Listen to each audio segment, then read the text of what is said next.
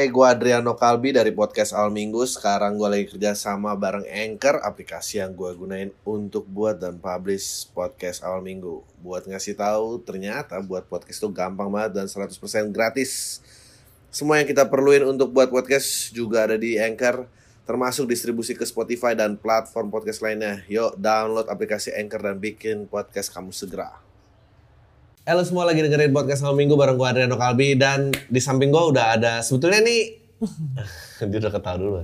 Sebetulnya nih kalau karena eh, apa tanpa Oza ya gue nggak akan kenal orang ini dan padahal orang ini tuh udah melanglang buana di dunia wow, dunia entertainment Indonesia dan segala macam. Tapi eh dan gue kan kayak baru ya jadi kalau lu gue tanya udah bareng gue Firda Firda Indira ya. Iya. Wis. Eh, Selamat datang di podcast Malam Minggu. Lo kalau menjelaskan Iya. diri lo siapa ke orang kayak gua yang tidak tahu apa-apa tentang dunia entertainment ini, yang taunya cuma stand up dan bikin podcast-podcastan. Lo ngomongnya lo tuh siapa? gue eh, sineas. Sineas. Oh, pelaku kan, sineas. Iya, Oh, pelaku seni lah. pelaku seni. Dan tapi karir kan panjang ya dari umur 4 tahun ya yang Iya, iya, ya. dari umur 4 tahun. Di 20 tahunan lah berarti udah berkarir tuh. Gokil. Nah itu tuh coba semuanya jadi kalau dibilang spesifik lo itu siapa sekarang saat ini gue nggak tahu. Oh. Gue tuh tetap ngelakuin semuanya cuma eh, kaki gue saat ini berdiri di stand up. Ah, Oke. Uh, keren banget itu nggak banyak tuh yang yang rela eh, apa namanya? Ngelepas. Itu kan, itu emang ke arah sana kan. rela, rela terjun turun kelas rela turun kelas turun kelas bahasanya Terjun payung. nah, turun kelas lu ya gua kita cerita dulu sebelum masuk ke stand up dari awal lah Mm. Eh, empat tahun pertama kali itu apa Wir? Gue tuh iklan. iklan Iklan, itu iklan. karena siapa ini cerita lucu sih. Dan, dan aku udah cerita di semuanya. Hmm. Eh kok nggak enak gue? Lu maaf ya kakak. apa-apa ngomong ngomong boleh kok Ah, bilang aku tuh- nyaman aja Aku tuh dulu itu nggak berniatan untuk menjadi pelakon seni Ya. gitu. semua juga ngomongnya gitu soalnya Ah, ja- tapi jadi jadi cerita itu aku cerita di semua podcast gitu. Aku bilang kalau dulu itu aku suka foto-foto Ya. kayak di tempat foto gitu.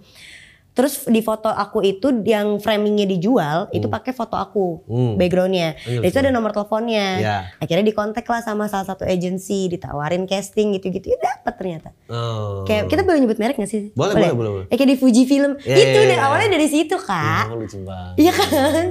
Ada bisa situ foto, terus tahu-tahu dipajang di bingkai yang akan dijual, ada nomor teleponnya, terus ada agensi yang lihat, dikontak, Oh. udah gitu. Lu tuh dari nah dari situ langsung rame terus konsisten apa eh, mulai kayak ih karir gue peak nih gitu bukan peak sih kayak jadwal gue penuh lah gitu Oh, ya ya, konsisten aja dari situ tuh nggak pernah berhenti tuh. Akhirnya kenal banyak agensi, kenal banyak orang-orang PH, terus ketemu sama almarhum Hendra Cipta, Oh. diajakin buat masuk ke Parvi. Dulu aku anggota termuda Parvi itu dulu pada Oke. saat itu ya. oke Saya udah akhirnya belajar acting, teater, segala macam segala macam, udah dan nyaman sampai di posisi aku kan dulu masih SD ya gitu masih sekolah. Aku nggak syuting, Hah? itu aku bete, aku ngamuk. oh Gitu, kayak nggak mau. Pokoknya kalau orang bilang, misalnya ada hari libur gitu, kita lagi nggak syuting, terus eh, biasanya orang tua suka ngajak main anaknya gitu Iya. kan ya kayak ke time zone, ke mall. Nggak menarik. nggak mau, aku bilang aku mau ke lokasi aja, main aja ke lokasi orang gitu. ya ampun lu berarti sama kayak Joshua sebetulnya Iya. jadi mental untuk tampilnya tuh besar Iya asli, banci kamera lah itu mah. Eh, apa kan tapi ini kayak orang tua nggak punya background sineas Nggak ada, saudara nggak ada. ini lo anak berapa sih Terakhir Oh, anak terakhir dari berapa bersaudara? dua. Nah awalnya aku sama kakakku masuk Ah, bareng, kakak cuma lo cewek cowok? Cewek. Oke. Cuma ternyata kakak aku itu tidak terlalu suka sama dunia entertain. Karena kan capek kan pulang pagi, Hmm. Oke. terus tembak lampu terus gitu-gitu kan. nggak ada jeda napas. itu ngaruh tau kak, Eh. beneran deh ketembak lampu terus tuh ngaruh. Mata sipit lagi sepet-sepetnya gimana tuh bangun tidur ya kan. Bener. Iya. gitu panas. Kan adegan kita nggak bisa milih untuk terus-terusan di dalam rumah kan. Tapi lo orang yang selalu sekolah umum kah apa akhirnya private school? Akhirnya homeschooling, ada akhirnya homeschooling. Jadi formal homeschooling, formal homeschooling gitu terus. Oh gitu terus It- itu sampai eh, pas mulai homeschooling tuh umur berapa? Homeschooling itu SMP. Oh SMP. SMP dan SMA. Oh, Jadi oke. eh, formal dulu, terus homeschooling, SMA juga formal dulu baru homeschooling. Eh, kalau lo karena lo punya Realitas bukan. Kalau sering ini ya, Iya kan takutnya ini kan. Nggak, gue penasaran eh, karena buat gue tuh, ya, gue tuh kan baru ada di dunia entertainment lah, nggak dunia entertainment sih, tapi memulai stand up tuh 2011 eh, nggak pernah punya koneksi apa-apa. Dan gue selalu merasa eh kayaknya dunianya nggak normal ya gitu. Kayaknya dunianya kayak orang-orang ini apalagi yang dari kecil realitasnya gimana gue lu mengalami kisah-kisah pada pelajar pada umumnya nggak apa emang dunia lu udah beda banget aja Eh, udah beda aja. udah beda kan Kayak kayak aku udah jadi nggak bisa bergaul dengan semestinya sama teman-teman yang seusia aku pada saat itu Ya. gitu. Pernah punya pacar yang bukan di entertainment Eh, pernah, pernah. Oh, dari sekolah tapi nggak nyam nyambung nggak Ny nyambung. Oh, nyambung, Untungnya nyambung. masih Oh, karena gitu. masih ada tetap eh, walaupun dulu aku Baseline-nya. homeschooling terus Iya. kayak kegiatan aku cuma kayak sekolah lokasi sekolah lokasi. Cuma dulu sering nongkrong gitu, suka nongkrong juga. Jadi masih kayak masih bisa lah. nah eh, apakah orang-orang yang dibully juga dulu waktu sekolahnya Oh iya. Dengan cepat saya Oh, menjawab. kenapa Ya mungkin karena ada perbedaan privilege tersendiri ya. Kayak dulu kan waktu zamannya masih di formal, serius kak, Aduh. bos boleh eh, nggak masuk, sering nggak masuk Eh. gitu kan, atau datangnya telat atau apa. Nah itu diizinkan karena memang eh, guru-guru tuh tahu kalau aku ada Hmm. kegiatan syuting sebelumnya gitu-gitu. Terus pasti kan orang-orang cemburu sosialnya tinggi ya. Nah lu kayak gitu-gitu waktu remaja aja eh mengatasi yang kayak gitu-gitu gimana? Don't give a shit aja sih. Oh wow, Iya. bagus banget ya. Kayak iya mau digimanain. Tapi lu nggak ada kayak mental coachnya untuk kayak, "Rena, lu tuh nggak Enggak. figure out by yourself aja. Iya jadi kayak ya udah anggap anggap nggak ada aja gitu. Walaupun pasti sakitnya sakit sendiri. Aku tuh bukan tipe kalian yang kayak bisa eh aku ngadepin atau Ya. kayak aku apa ya aku bales gitu. Ya. Better mending gue diem, gue keep sendiri terus Hmm. nggak usah aku ceritain lagi ke orang. Ya apalagi zaman dulu ya maksudnya melihat seleb tuh kan asing ya. Kayak kalau sekarang kan semua orang kayak seleb gitu. Ha- Hampir hampir ya udah gitu. eh dan jadi kayak gue masih ingat. Gue inget sih dulu kayak punya kakak kelas. Wah dia ini ya gitu. Kayaknya dia alien aja gitu rasanya. Aku nggak ngerasa gitu lagi. Karena beneran dibully. Nih aku tuh Ya nggak maksudnya gue ngeliat dia tuh kayak sosok yang Wah. asing ya kan lu kan Oh, iya, iya. lu kan orang yang dilihat itu. Iya masalahnya tapi ngeliatnya tuh kan normalnya ya ini normal Iya, nih iya. kalau asing kan kayak ih pengen kenal sama dia gitu atau pengen Ah, deket gitu. Ini nggak ada orang aku dibulinya sama angkatan sendiri, angkatan atas sama angkatan bawah gimana coba? Kasian Mau banget. Angkatan bawah lagi. Iya. Hal-hal apa yang di eh, pembulian yang keluar biasanya? Eh iya cacian gitu-gitu. Aku pernah juga dilempar sampah Ya ampun. sama senior gitu-gitu. Sampai kayak yang aku nggak ngerti kenapa mereka bencinya sama aku tuh nggak ngerti. Iya, well, ya emang orang tuh kalau ada ya punya magnet yang lebih besar daripada orang lain, orang-orang biasanya nggak terlalu gampang suka. Iya, mungkin kayak mungkin aju- bisa jadi sih bisa jadi karena akunya juga berusaha untuk apatis dengan hal itu. Oh, Jadi makin parah. ah, jadi kayak mereka ngira oh songong banget sih ini orang mungkin gitu padahal aku berusaha untuk membentengi diri aku sendiri gitu. Nah terus lo mulai sadar konsep kayak ketenaran tuh kapan? Oh, gue nih kayaknya beda nih, gue kayak lebih Kayak baru, baru sekarang Ah, baru sekarang ya? kayaknya deh. Kayak nggak nyangka udah di sini aku ya Oh, gitu. Lo ngerasa uh, puncak tuh di kapan? Oh, belum sampai sekarang. Oh belum, wah keren. Belum ngerasa itu. Tapi ini bukan titik tertinggi dong yang sekarang. Bukan. ya maksudnya yang lebih tinggi lagi sebelumnya, sebelumnya. Oh sebelum-sebelumnya, ah, iya pernah ada lah. Tapi Hmm. ah, aku ngerasa saat ini ini sih yang paling tinggi karena ah, saat Oh wow. Ngerasanya karena Hmm. udah bener-bener bisa damai sama si achievement yang aku pengen, sama si eh, apa ya kasarnya ketika kita obsesi lah, Iya. sama obsesi aku sendiri. Kalau dulu kan ketika aku belum dapetin itu, wah kayak nah gue belum, belum belum terus belum terus sampai akhirnya nggak pernah bisa ngelihat bahwa ternyata kaki aku udah di situ gitu. Eh, dulu keobsesian keobsesian apa aja yang lu punya cita-citanya? Kayak apa? Misalnya menang Piala Citra atau apa? Iya, Oke. nah, aku tuh dari dulu kak, ya Allah di bocoran ini malu sih tapi ceritanya. Aku tuh sampai udah latihan eh, pidato, Speech. ya, speech, speech. Kalau aku menang awards, Ya.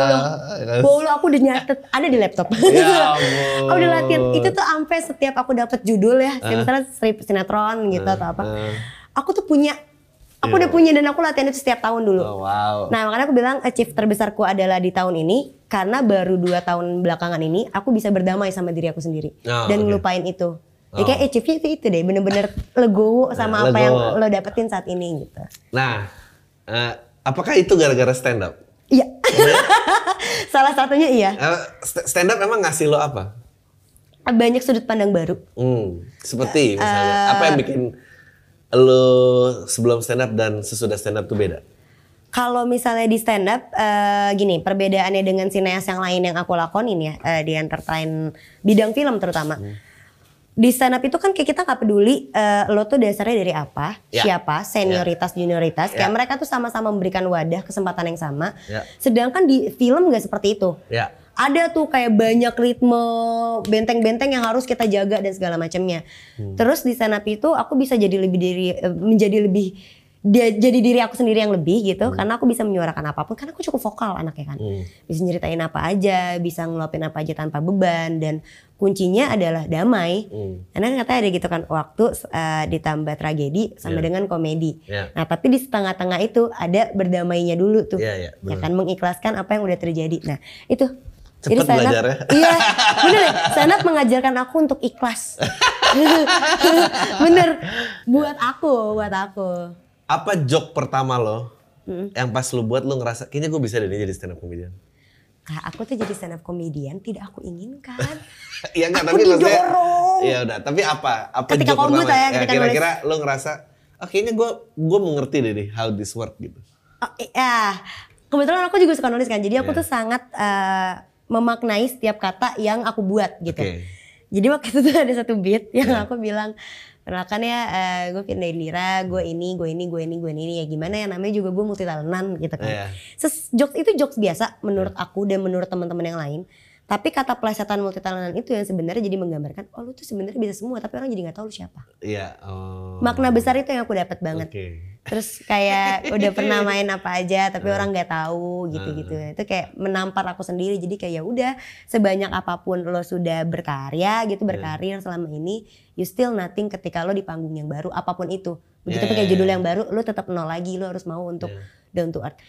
Gue tuh gue tuh kesulitan loh maksudnya eh, kalau misalnya di social setting apalagi sekarang gitu kayaknya semua udah tahu semua. Sedangkan gue kayak kan gue nggak tahu semua ya gitu. Jadi kadang masih suka menjulurkan tangan dan kenalan lagi gitu tanpa ini dan ternyata itu dianggap awkward ya gitu. Oh iya, Iya kayak nggak tahu either pihak sana merasa kayak mestinya lu udah tahu gua Heeh. atau kayak ini orang kenapa lagi ya kayak gitu gitulah gue selalu nge- ngebaca itu tapi kan gue eh, polos karena gue nggak pengen merasa semua orang kenal gue juga gitu. Heeh. jadi eh, karena kan eh, ya nggak bisa dipungkiri orang-orang itu ada loh gitu.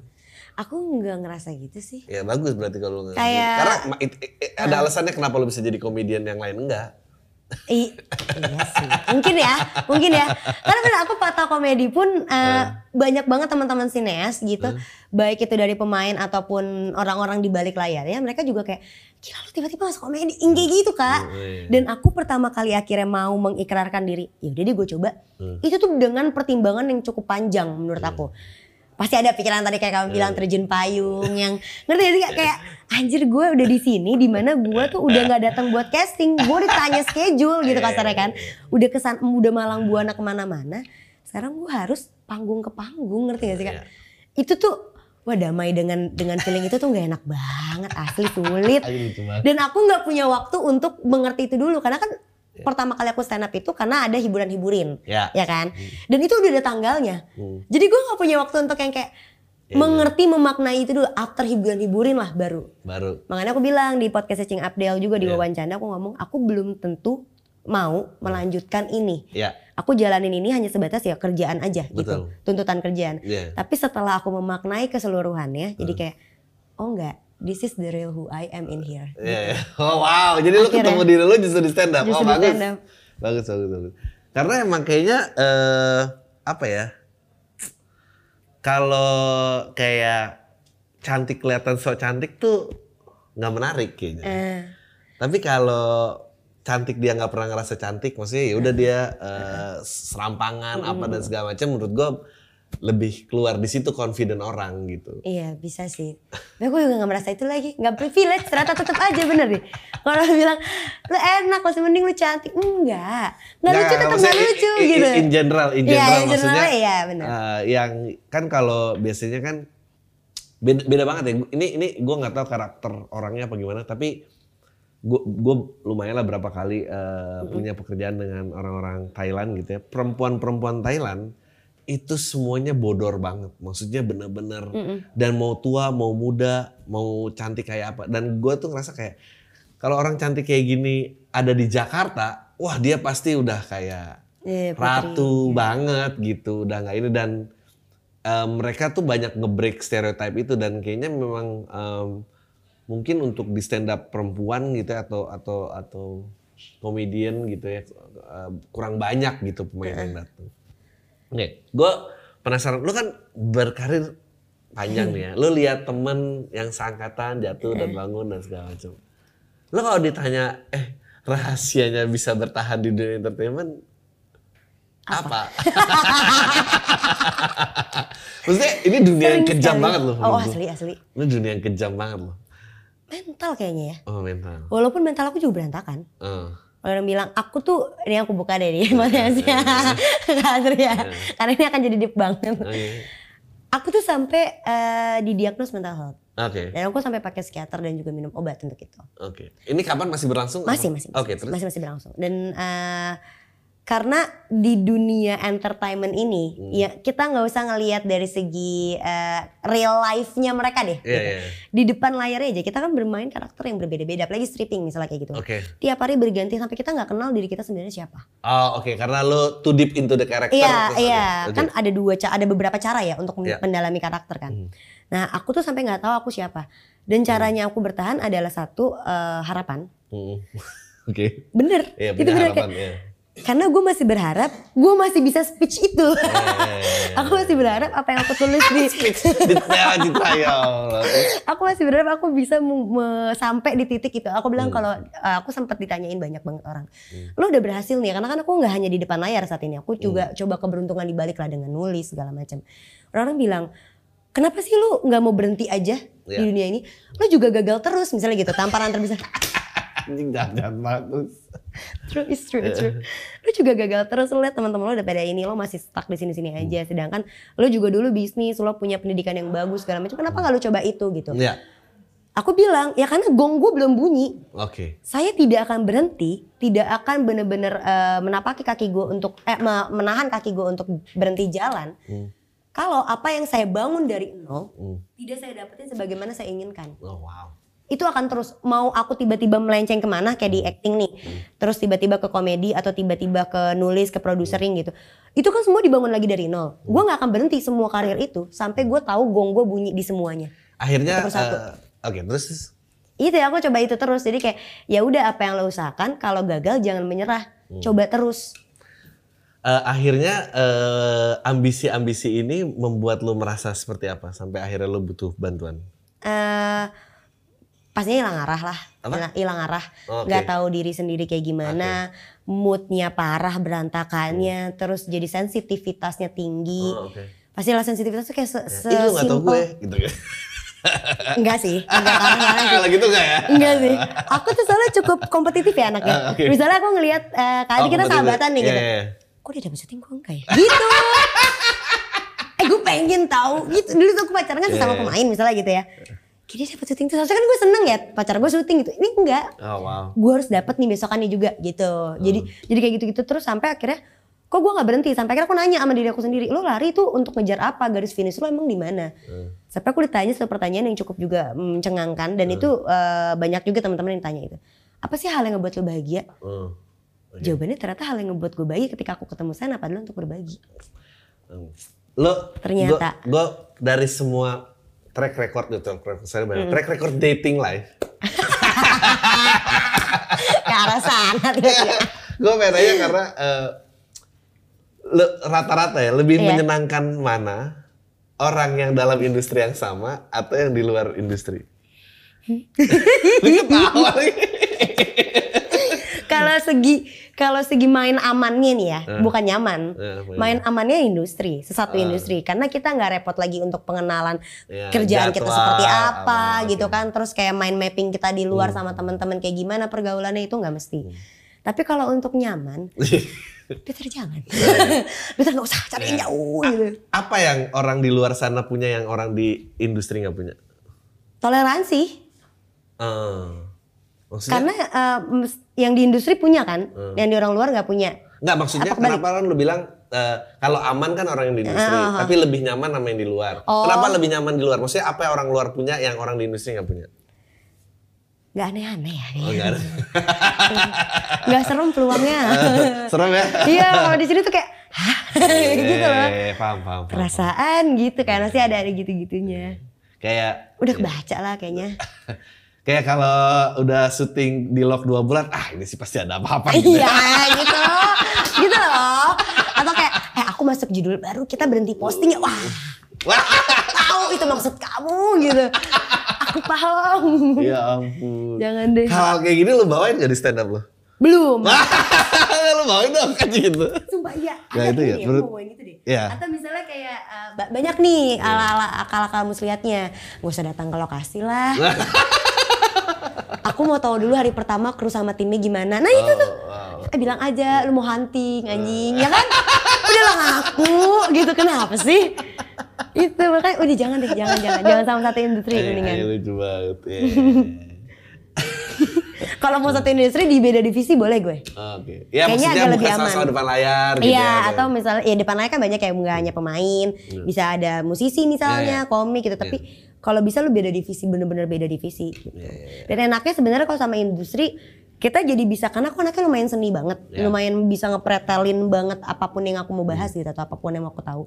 Sama anak eh, industri tuh anaknya ya bisa itu, bisa sharing itu, ada ruang diskusinya untuk itu. Sedangkan kalau orang di luar daripada industri bingung gitu kak. Lo kenapa nggak eh, settle dengan apa yang maksudnya Eh. udah di depan layar udah gue jadi eh, artis Uh-uh. eh, dan dan udah gitu lo kenapa lo tiba-tiba meretelin sesuatu yang di belakang punya penasaran itu? Yang pertama Eh. tahu diri. Saya cukup tahu diri. Iya. Udah 20 tahun nyet, mau Oke. kapan sadarnya gitu Oh. kan. Kasarnya. Berarti speech itu mungkin tidak akan pernah terjadi Eh, gitu. Jangan dong. saya tetap berusaha. Saya Oke, tetap akan berusaha ya Ya, teman-teman. ya. Yang kedua karena uh, aku merasa aku tahu posisi dulu aku di bawah Hmm. dengan tidak punyanya wadah sebetapa nice. menyedihkannya. Hmm. Itu ketika gue tahu gue punya banyak kebisaan, tapi gue tidak punya support system yang baik, tidak punya wadah yang baik untuk bisa menaungi apa yang aku bisa itu, itu menjadi sangat berat untuk aku. Hmm, Oke. Akhirnya aku mencoba untuk memberikan peluang yang sama dan regenerasi lah, untuk bisa meregenerasi. Karena kalau kita lihat di semua berbagai platform entertain lah, industri entertain ya, apa pun itu. Penyanyi ya di dia lagi, yang Iya. nyanyi ya kan soundtracknya, yang main film ya di dia lagi. Walaupun sebenarnya berganti kalau kita bisa lihat Iya. secara keseluruhan movie gitu ya, nggak hanya movie-movie yang lagi gede-gedean ini doang gitu. Cuma ya ujung-ujungnya itu Hmm. komik ya itu tuh lagi sampai aku ngerasa kapan kita bisa ngasih kesempatannya untuk orang lain kalau peluangnya juga kita batasin. Oke, Gitu. nah having said that, nah abis itu eh, yang eh, viral ke mana-mana dengan collabnya dengan Oza kan. Jadi ini tahu. Jadi itu eh, ceritain gue sedikit deh dari ideationnya sampai akhirnya kejadian gitu. eh kolaborasi sama Oza itu awalnya iseng-isengan karena lagi pandemi kan, Iya. nggak ngapa-ngapain juga. Terus waktu itu tuh aku lagi mau meeting untuk hiburan-hiburin, Iya. kombut tuh ceritanya. Sekalian nah, ada Oza, terus dia minta bantuan untuk bikin konten. Udah, ternyata meledak banget konten yang episode 1 itu kan. Hmm.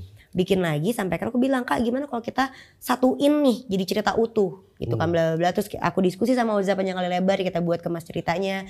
Sebenarnya eh, di sketsa TikTok kami kalau ditonton secara terpisah memang tetap bisa dinikmatin sebagaimana mesti konten. Tapi kalau misal ditonton dari ke banyaknya orang yang ikut terlibat gitu ya di tempat aku di tempat Oza di tempat Kak Gilbas dan Ate kan itu itu doang tuh yang main tuh empat itu tuh punya satu keceritaan utuh, satu Hmm, cerita yang ya. utuh. Nah, ketika itu terjadi dan berjalan dengan sangat baik, akhirnya aku tuh pernah ada satu momen sama Oza aku ngobrol.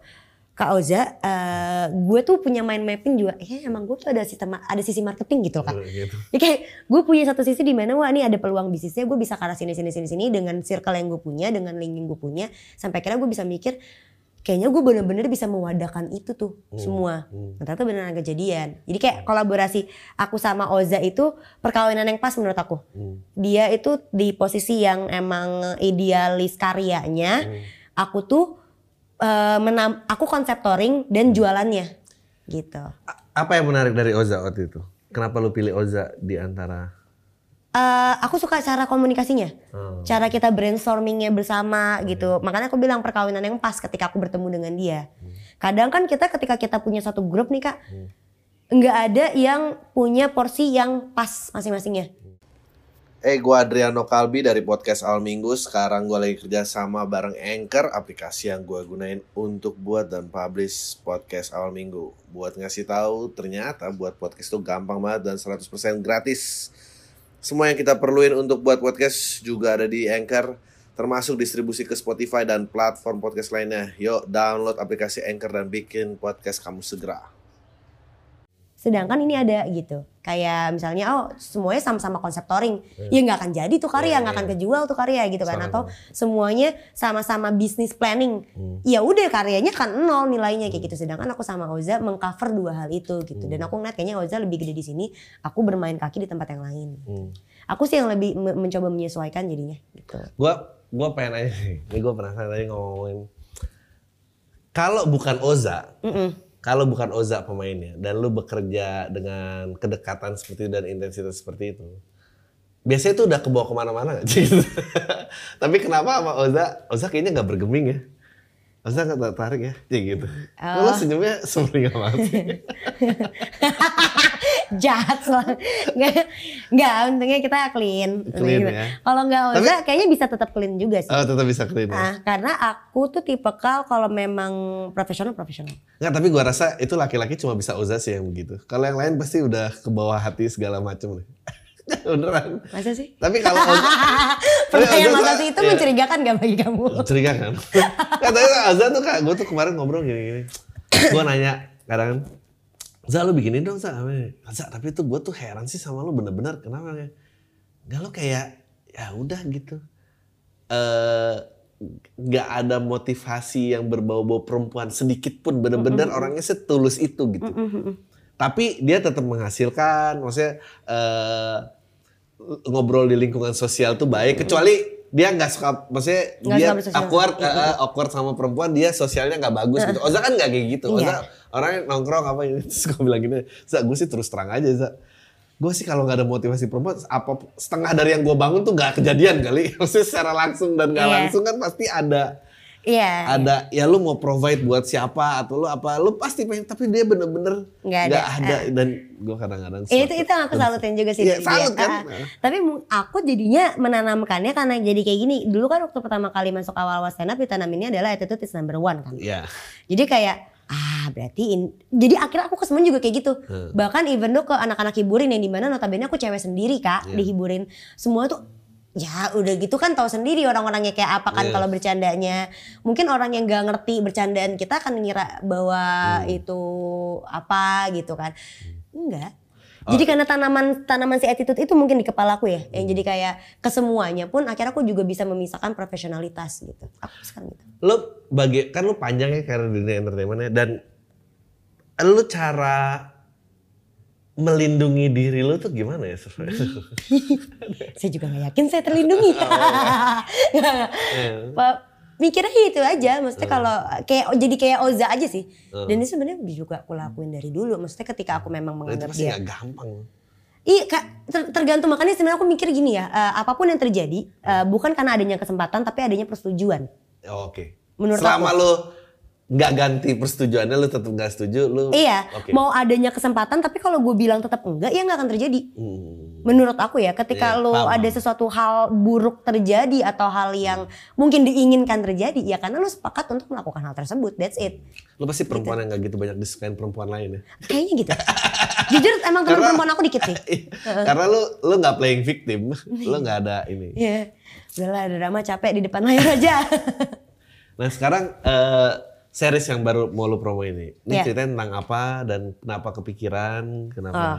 Story of Move On ya. Itu tuh adalah Story of Move On itu berkisah dari sequelnya tentang sketsa aku di TikTok sama Oza. Oke. Karena itu besar banget dan Iya. pada saat itu tadinya mau bikin Jack Love Story cuma cerita kita yang itu masih kita tahan untuk suatu hal yang lebih besar sebenarnya. Wow. Ya, akhirnya aku lempar lah, aku bikin lagi cerita baru sama sastra itu dan eh, ada orang yang mau untuk mengcover itu semua. Akhirnya jadilah kita bikin series. Habis eh, di series itu kita bercerita tentang perjalanan asmaraku yang gagal move on dari Oza terus mencoba keberuntungan dengan melalui dating apps ketemu dengan berbagai macam cowok-cowok di sana yang tingkahnya aneh-aneh lucu-lucu sudah perjalanan itu tapi dikemasnya secara komedi ya Hmm. Eh, udah rilis berapa episode? baru eh, mungkin pas ini tayang mungkin udah dua Udah dua. Heeh. Ini tayang Senin. Oh sana ya benar udah dua episode Udah dua. Iya. episode. Eh, ini berapa episode?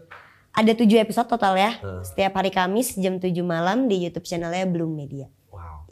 Lo punya kesadaran fleksibilitas media dari kapan? Maksudnya menurut gua banyak banget gua kemarin ngobrol eh, banyak banget yang akhirnya ya tadi bicara tentang survive di dunia entertainment tuh nggak survive karena dia nggak fleksibel karena mediumnya berubah-berubah gitu kan banyak tuh orang yang kayak "Nggak, acting tuh mesti harus dilakukan iya iya dengan standar gitu. Nah, menyatukan antara idealis dan realistis kali ya Nah, oke. Poinnya adalah itu menurut aku, aku sadarnya tuh ya ka- kapan ya pertanyaannya? Kapannya Iya, baru kali ya bisa aku baru, bilang. oke.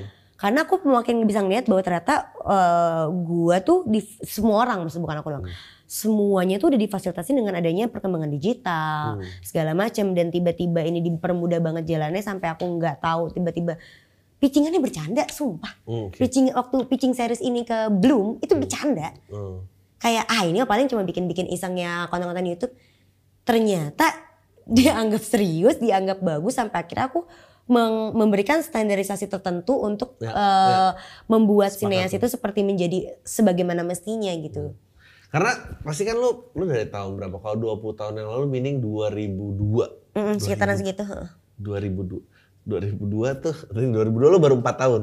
Eh, Ya. 98 yang kelahirannya. iya benar-benar 2002 Terus eh berarti kan lu ngelihat eh, jatuh bangunnya industri ya, maksudnya glamornya TV dulu seperti apa, sekarang sudah nggak ada nanti bioskop yang sempat ada periode Iya. mati suri, lalu bangkit lagi apa dan segala macam sampai ya gue juga lagi berusaha mikir ada nggak ya kayak cerita TikTok bersambung yang kualitinya di waktu itu selalu gitu dan menurut gue tuh itu move yang bagus banget sih. iya itu tuh kayaknya dulu sempat ada deh TikTok tuh sempat bikin series tau Hmm. TikToknya TikTok Indonesia sendiri ya sempat bikin series cuma gua nggak tahu deh kayaknya cukup booming juga sampai kalau kita kan sebenarnya bukan series sketsa kalau yang Iya, aku jalanin sketsa, sama betul. sama Oza kan Nah, Hmm, hmm. kalau sketsa yang to be continue kayaknya baru Jack sketsa, Soloster itu sketsa, sketsa slice of life ah, ah, maksudnya. iya iya iya Dan jenis komedi kayak gitu kan sebetulnya lu nggak pernah lihat itu di TV, lu nggak pernah lihat eh, itu di bioskop juga nggak pernah. Maksudnya dan gue tuh sebetulnya suka sama sesuatu yang em, lebih dekat ke reality gitu. Dan waktu itu exaggerasinya tuh pas gitu Iya. dan jadi masih ada komedinya tapi juga anjirnya orang nyebelin banget cowoknya Iya. dan perempuannya juga Ya itu, Iya, it- salah satunya adalah itu sih story perempuan berkisah tentang tapi kita tuh nggak mau yang drama-drama banget ya karena isinya Iya, pemain-pemain komedi kan ya bisa, pada nggak saat bisa, itu.